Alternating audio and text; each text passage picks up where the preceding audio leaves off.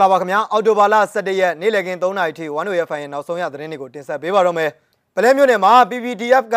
နှစ်ကြိမ်မိုင်းခွဲတိုက်ခိုက်လိုက်တဲ့အတွက်စစ်ကောင်စီတပ်သား16ဦးထပ်မံတေဆုံးသွားပါတယ်ပဲခူးမြို့ကယာယီမှုနေအိမ်ဘုံကွဲပြီး၄ဦးတန်ရာရရှိပါတယ်တက္ကလာမြို့မှာတော့စစ်ကောင်စီခန့်ရက်ကွက်အုပ်ချုပ်ရေးမှုတနက်နယ်ပြစ်သက်ခံလိုက်ရပါတယ်ဒီသတင်းတွေနဲ့ဒူဒီကနေ့နေ့လယ်ပိုင်း3နာရီထိနောက်ဆုံးရရှိတဲ့သတင်းတွေကိုတင်ဆက်ပေးမှာပါခင်ဗျာ ပထမဆုံးအနေနဲ့တင်ဆက်ပေးခြင်းတဲ့သတင်းတစ်ပုဒ်ကတော့မကွေးတိုင်းပလဲမြို့နယ်မှာဘုံနဂါဥဆောင်တဲ့ပလဲမြို့နယ်ပြည်သူ့ကာကွယ်ရေးတပ်ဖွဲ့ PPDF က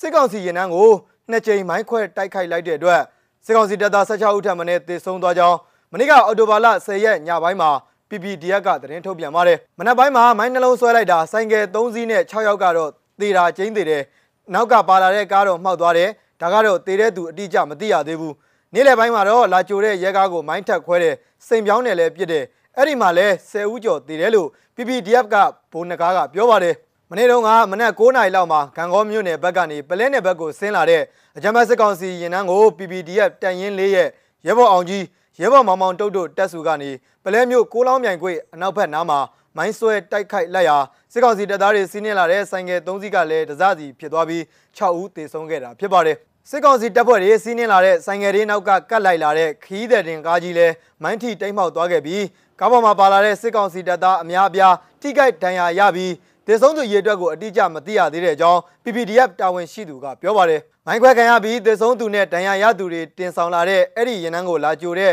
ရဲကားတစ်စီးကိုမနေ့ကမနက်ပိုင်း7နာရီလောက်မှာပလဲမြို့နယ်တရက်ကန်လမ်းခွဲအနီး PPDF ကထပ်မံမိုင်းခွဲတိုက်ခိုက်လိုက်တဲ့အတွက်ကားတစ်စီးလုံးလွင့်စင်သွားပြီးရဲ10ဦးကျော်သေဆုံးက 3ဦးကတော့ပြင်းပြင်းထန်ထန်ဒဏ်ရာရရှိပြီးမုံရွာမြို့ပြည်သူ့ဆေးရုံကိုပို့ဆောင်ဖို့ပြင်ဆင်နေကြောင်းသိရတယ်လို့လည်း PPDF ရဲ့တာဝန်ရှိသူကဆိုပါတယ်ပထမချိန်မိုင်းခွဲခံရမှုမှာစစ်ကောင်စီလက်အောက်ခံတပ်ဖွဲ့ဝင်6ဦးကျော်သေဆုံးပြီးဒုတိယချိန်မိုင်းခွဲခံရမှုမှာ10ဦးကျော်သေဆုံးခဲ့လို့စုစုပေါင်းသေဆုံးသူဦးရေကတော့16ဦးထက်မနည်းရှိတယ်လို့သိရပါတယ်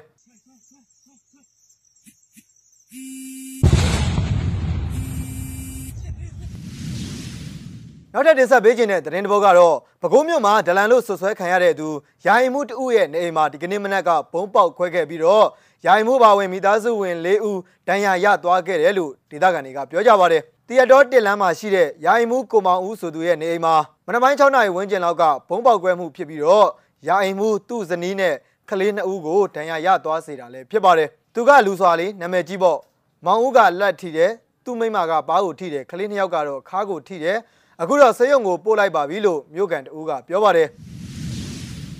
နောက်ထပ်သတင်းတစ်ပုဒ်အနေနဲ့ပဲခူးတိုင်းပဲခူးခရိုင်ကဝမြို့နယ်တက္ကလာမြို့နယ်အတွင်းမှာရှိတဲ့စစ်ကောင်စီခန့်ရွှေပြည်ရက်ကွက်အုပ်ချုပ်ရေးမှူးအောင်မင်းဦးကဒီကနေ့မနက်7:30မိနစ်မှာပြစ်ဒဏ်ခံရတဲ့အကြောင်းဒေသခံတွေကပြောကြပါတယ်တက္ကလာမြို့ရွှေပြည်ရက်ကွက်အုပ်ချုပ်ရေးမှူးအောင်မင်းဦးဟာဒီကနေ့7:30မိနစ်30အချိန်လောက်မှာပဲခူးတက္ကလာကားမှတ်တိုင် ဇော်ထွေးကွန်းရဆိုင်မှာကွန်းရဝယ်နေရင်တနက်နဲ့၅ချက်တိတိအပြစ်ခံရပြီးနေရာမှာနေပွဲချင်းပြီးတည်ဆုံသွားတဲ့အကြောင်းဒေတာရင်းမြစ်တစ်ခုကဖော်ပြထားပါတယ်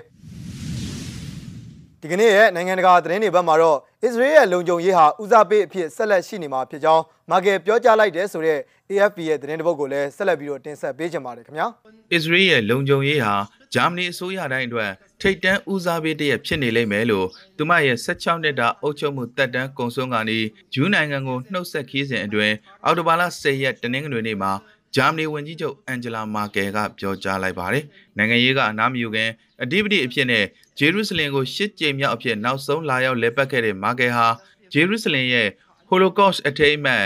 ရက်ဘက်ရှန်ကိုမသွားမီမှာဝန်ကြီးချုပ်နက်ဖတလီဘန်နဲ့နဲ့တွေ့ဆုံဆွေးနွေးခဲ့ပါတယ်။ဟိုလိုကော့စ်တွေအပေါ်ကျူးလွန်ခဲ့တဲ့လူသားမျိုးနွယ်ပေါ်ဆန့်ကျင်တဲ့ရာဇဝတ်မှုတွေကျူးလွန်ခဲ့ပေမဲ့ဂျာမနီနဲ့အစ္စရေးအကြားကောင်းမွန်တဲ့ဆက်ဆံရေးပြန်လည်တည်ဆောက်နိုင်ခဲ့တယ်လို့မာကယ်က ဘဲနဲ့နဲ့အတူပြောကြားခဲ့ပါတယ်။ဒီအချက်ကိုဆွဲကင်ပြီးအစ္စရေးရဲ့လုံခြုံရေးဟာဂျာမနီဆိုးရတိုင်းအတွက်အဓိကဦးစားပေးအရေးအကြီးဆုံးအဖြစ်အမြဲတမ်းရှိနေမှာဖြစ်ကြောင်းအလေးနဲ့ပြောလိုပါတယ်လို့သူမကဆိုပါတယ်။ဘယ်တော့မှမတန်ဆွမ်းခဲ့တဲ့နိုင်ငံတွေနဲ့ဆက်ဆံရေးတိုးမြင့်ဆောင်ရွက်ခဲ့တဲ့မာကယ်ကိုအစ္စရေးအပေါ်အားပေးထောက်ခံခဲ့တဲ့အတွက်ဥရောပရဲ့ဇာရိတမန်တိုင်းအဖြစ်ဘန်နက်ကချီးကျူးခဲ့ပါတယ်။ ဒီခီးစဉ်မတိုင်မီကတည်းကဘဲနဲ့ဟာ၎င်းနဲ့ဂျာမနီခေါင်းဆောင်တို့ဟာဒေတာရင်းလုံခြုံရေးအထူးသဖြင့်အီရန်နျူကလ িয়ার အရေးအတွက်ဆွေးနွေးဖို့မျှော်လင့်ထားကြောင်းဘဲနဲ့ကပြောကြားခဲ့ပါတယ်။မာကယ်ဟာဒီခီးစဉ်ကိုကနူးကဩဂုတ်လမှာကလေးကတွားရောက်ဖို့မျှော်လင့်ထားပေမဲ့အမေရိကန်နဲ့ဂျာမနီအပါအဝင်မဟာမိတ်တပ်တွေရဲ့အာဖဂန်ကရှုပ်ထွေးတဲ့အခြေအနေတွေကြောင့်နှောင့်နှေးနေခဲ့တာဖြစ်ပါတယ်။ အသက်68နှစ်အရွယ်တဘာရင်ယူပဗေဒပညာရှင်သူမကို Israel နည်းပညာတက္ကသိုလ် High Fetch Technion ကနေဂုံတူးဆောင်ပါရဂူဘွဲ့ပေးအပ်ခဲ့ပါတယ်။ဒါပေမဲ့2009ခုနှစ်ကနေ2021ခုနှစ်အတွင်းဝန်ကြီးချုပ်အဖြစ်နဲ့မာကယ်နဲ့ကြဲကြဲပြန့်ပြန့်ဆက်ဆံခဲ့ရတဲ့ Israel အတိုက်ခံခေါင်းဆောင်ဘန်ဂျမင်နေတန်ယာဟုနဲ့တွေ့ဆုံဖို့ကတော့သူမရဲ့အစီအစဉ်မှာမပါရှိခဲ့ပါဘူး။ဘန်နဲ့နဲ့အတွေးခေါ်အယူဆကွဲပြားတဲ့ညွန်ပေါင်းအဖွဲ့ဟာ ယခုနှစ်ဇွန်လကနေတန်ယာဟုကိုဖြုတ်ချခဲ့ပါတယ်။ဒါကညင်းပယ်လို့မရပါဘူး။ဒီနေရာမှာလေးနဲ့ပြောချင်တာကဂျာမနီနဲ့အစ္စရေးကိုဇပွဲတစ်ခုတည်းထိုင်ပြီးအတူတူအလုပ်တွေအများကြီးလှုပ်ဆောင်နိုင်အောင်အစ္စရေးရဲ့ကြိုးပမ်းမှုကကျမတို့အတွက်ကံကောင်းခြင်းတွေဆောင်ကျဉ်လာခဲ့တာပါဟိုလိုကော့စ်တမိုင်းကကျမတို့ဘက်ကအနာဂတ်အထိအောင်ခေတ်အဆက်ဆက်တာဝန်ယူရမယ်ထူးခြားဖြစ်ရတစ်ခုပါလို့ဂျာမနီဝန်ကြီးချုပ်အန်ဂျလာမာကယ်ကဆိုပါတယ်ဒါပေမဲ့ဂျာမနီနဲ့အစ္စရေးဆက်ဆံရေးကို ဟိုလိုကော့စ်ဖြစ်ရတစ်ခုတည်းနဲ့တိုင်းတာပြီးရှော့တွက်ရင်မှားပါလိမ့်မယ်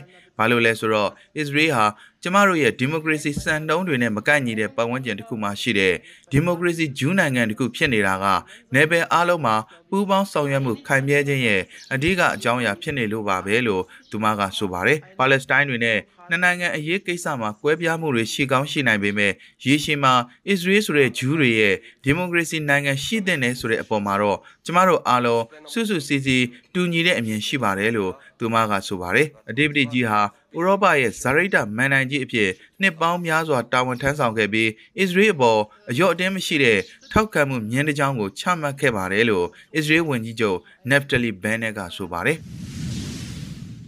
အော်တိုဘာလ17ရက်နေ့လည်ခင်း3နာရီထိနောက်ဆုံးရရှိခဲ့တဲ့သတင်းတွေကိုတင်ဆက်ပေးခဲ့တာပါဝမ်နိုရဲ့ဖန်ကိုစောင့်မျှော်နားဆင်ကြတဲ့ပြည်သက်အပေါင်းကိုစိတ်နှပြကျမ်းမာချမ်းသာကြပါစေလို့ဆုမွန်ကောင်းတောင်းလိုက်ရပါတယ် ထူးခြားတဲ့သတင်းတွေနဲ့အတူကျွန်တော်တို့မကြခင်မှာပြန်လည်ဆုံတွေ့ကြပါမယ်ခင်ဗျာ